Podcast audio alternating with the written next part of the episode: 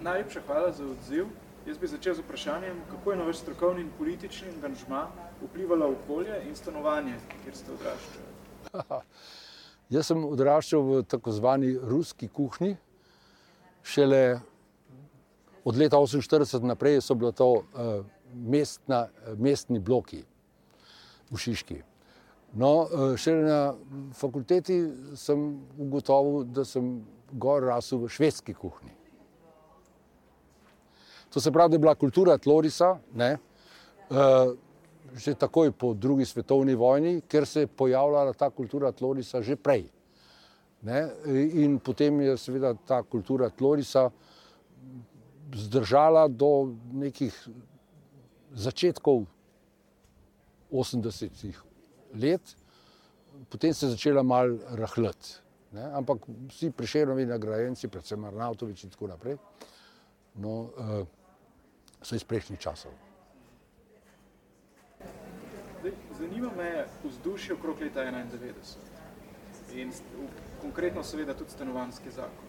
Zdaj, zakaj tak način lastninjenja in stanovanj, družbenih stanovanj in zakaj, um, kakšne so bili konflikti, ki je bilo treba razrešiti skozi ta zakon, predvsem pa kako ocenjujete zdaj 30 let po sprejetju tega zakona, posledice zakona na stanje s preskrbo z nepremičnimi. Torej, eh, lastninjenje, ne, eh, ki ga bom zelo na hiter odpravil in povedal tako. Stanovanja, ki so bila že zgrajena, eh, ki so bila tudi zasedena, eh, ki so imela na sebi ustavno odločbo ne, o, ne, o stanovanski pravici, ta stanovanja je bilo treba kar dati tistim, ki imajo stanovanjsko pravico, iz enostavnega razloga, ker ni bilo več nobene nadgradnje, ne? ker samo pravne interesne skupnosti, ki so po, po načelu stanovalca, ne po načelu lastnika, upravljale s tem eh, fondom, eh, tudi z klasičnimi etažnimi lastniki, ne, so bile odpravljene z ustavnimi amadmaji leta 1989 tako da je ta del uh, že zgrajenega fonda, ki zanima samo tiste, ki bi radi upravljali nek zatečen fond. Uh, ta del je bil odpravljen, seveda z vsemi možnimi konflikti in tako naprej. Uh, drugi parameter, seveda, tega stanovanjskega zakona, ki zadeva uh, organizirano stanovanjsko gradno, pa bazira na ustanovitvi uh, Eh, sklada Republike Slovenije. In seveda je treba vso genezo od leta 1991 do danes gledati skozi oči občin in pa skozi uh, stanovanjski sklad in skozi njihovo finančno težo. Primer. V Ljubljani je mesto Ljubljana, tisti denar, ki ga je dobilo od od kupnin, zapravila, veste za koga?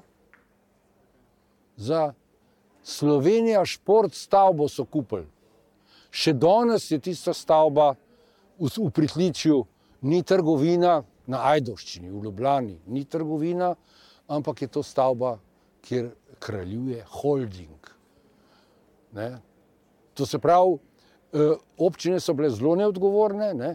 seveda ne v pionirski fazi je bil stanovanjski sklad eh, pozitiven, ne, konverzija dragih kreditov v, v, v R plus 3 kredite, ne, ko, ko smo morali stanovanjsko komunalni banki, ki je postala eh, z Markovičem zakonom eh, splošna komunalna banka, odvzeti te, te uničujoče kredite tako smo sanirali, ampak potem pa seveda je zgodba taka, da se je začel prvič. E, vsi moji nasledniki so skrbeli, da bi bile banke polne denarja. Resmo, ta schema, ne vem, ena schema je bila, ne, kako bi se čim več denarja valali v bankah, ne, namesto da bi šlo v funkcijo. Potem drugo, kar je bilo, je bilo seveda uh, to, da se je denar valil v zakladnici. Ne? da se je denar valil v zakladnici. Do danes se mi da denar valil v zakladnici. Skratka, stanovanjski sklad Republike Slovenije upravlja pol svoje funkcije, zraven pa še vedno še, še komercialni portfelj, ki Bog ga zdaj zamuje. To se pravi, uh, ta zakon je imel dobre nastavke, ampak ta zakon ne velja več danes. Ne? Danes velja drugi stanovanjski zakon. In o tem drugem stanovanjskem zakonu, ne, iz časa ministra Kopača, ne, se je treba pogovarjati. Ne. A se strinjate z oceno, da je tranzicija na področju lastninjenja bi potekala drugače, če bi se istočasno uvedel tudi nepremičninski davek, pa če bi se um, uvedel ali pa zakonsko podprle oblike gradnje stanovanj, ki niso bodi si tržna, bodi si socialna stanovanja, ampak imajo vse te umestne oblike, kot so recimo zadružna gradna, kot so um, kadrovska stanovanja, da bi obstajala neka sistemska podpora za vse umestne, bogatstvo umestnih oblik, ki danes v bistvu ni. Ne, ta umestna faza je bila določena z ustavo in velja še danes. Ne, v tako zvanih gospodarskih in socialnih razmerjih je, sem jaz kot tvorec te ustavne določbe, ne, se glasi, da država skrbi za to, da državljan pridobi primerno stanovanje. Zdaj, pridobitev tega, seveda, in eh, stan, naš stanovanjski zakon je gradil na zadružništvu, na vseh teh oblikah, ne? ampak v izvedbah, recimo v Ljubljani, kaj se je zgodilo v Ljubljani? V Ljubljani se je sklad razglasil za neprofitno organizacijo. Ne? S tem je seveda finance blokiral na svojem računu, namesto da bi kreditiral, takrat, je bil še denar drag, ne, da, bi, da bi kreditiral neke neprofitne organizacije. Seveda, in tukaj ni bilo, uh, ni bilo danes pa za zemljišči, ne, danes v Ljubljani ni zemljišča za zadružno gradno. Ne, in uh, vi morate ločiti to, da je zakon seveda odpiral te možnosti, praksa jih je pa zapirala. Jaz sem vam prebral še šest kratkih vprašanj, pa vas prosim za šest ja. odgovorov. Prvo je, ali je potrebno reševati stanovanski tlori skupno z urbanistično rešitvijo in ali je potrebno tip stanovanja kakorkoli vezati na določen mestni predel? Ja. Seveda mora biti zvezan z urbanistično rešitvijo. Ne? Tukaj je takoj vprašanje, ki se mu reče, eh, ne vem, matri, ne? pri nizki gradni. Ne? Atri gor in tako naprej. Potem je sigurno vezan tudi na dostopnost do storitev, ne, do parkingov in tako naprej. Danes recimo nimate pravih normativov več ne, za gradno posamezne sosedske. V teh tehničnih normativih piše samo parking. Ne. In potem še parkinga eh, nimate. Ne. Eh, tako da je to seveda tes, tesno povezano ne, in seveda ljubljanski urbanizem, ki ga poznam, ne, onemogoča zadružništvo, onemogoča uh, uh, kakršno koli drugo gradno, kakor, kakor je, so bili zgrajeni mestni bloki od leta 1948 naprej. Če danes pogledate novo brdo, sever-jug, sonce, vzhod, zahod. Tako kot sem se jaz pravzaprav v mladosti živel. Ne. Kaj mislite o pravilnikih in predpisanih minimalnih stanovanjskih površinah? Ali naj se spremenijo ali celo ukinejo? No, poglejte, če, vi, če imate primerno stanovanje, morate definirati, kakšno primerno stanovanje je. Ko sem jaz bil minister, ne, se je izrekla univerza, Brezar in drugi, ne, da se arhitekturi ne more določati standard.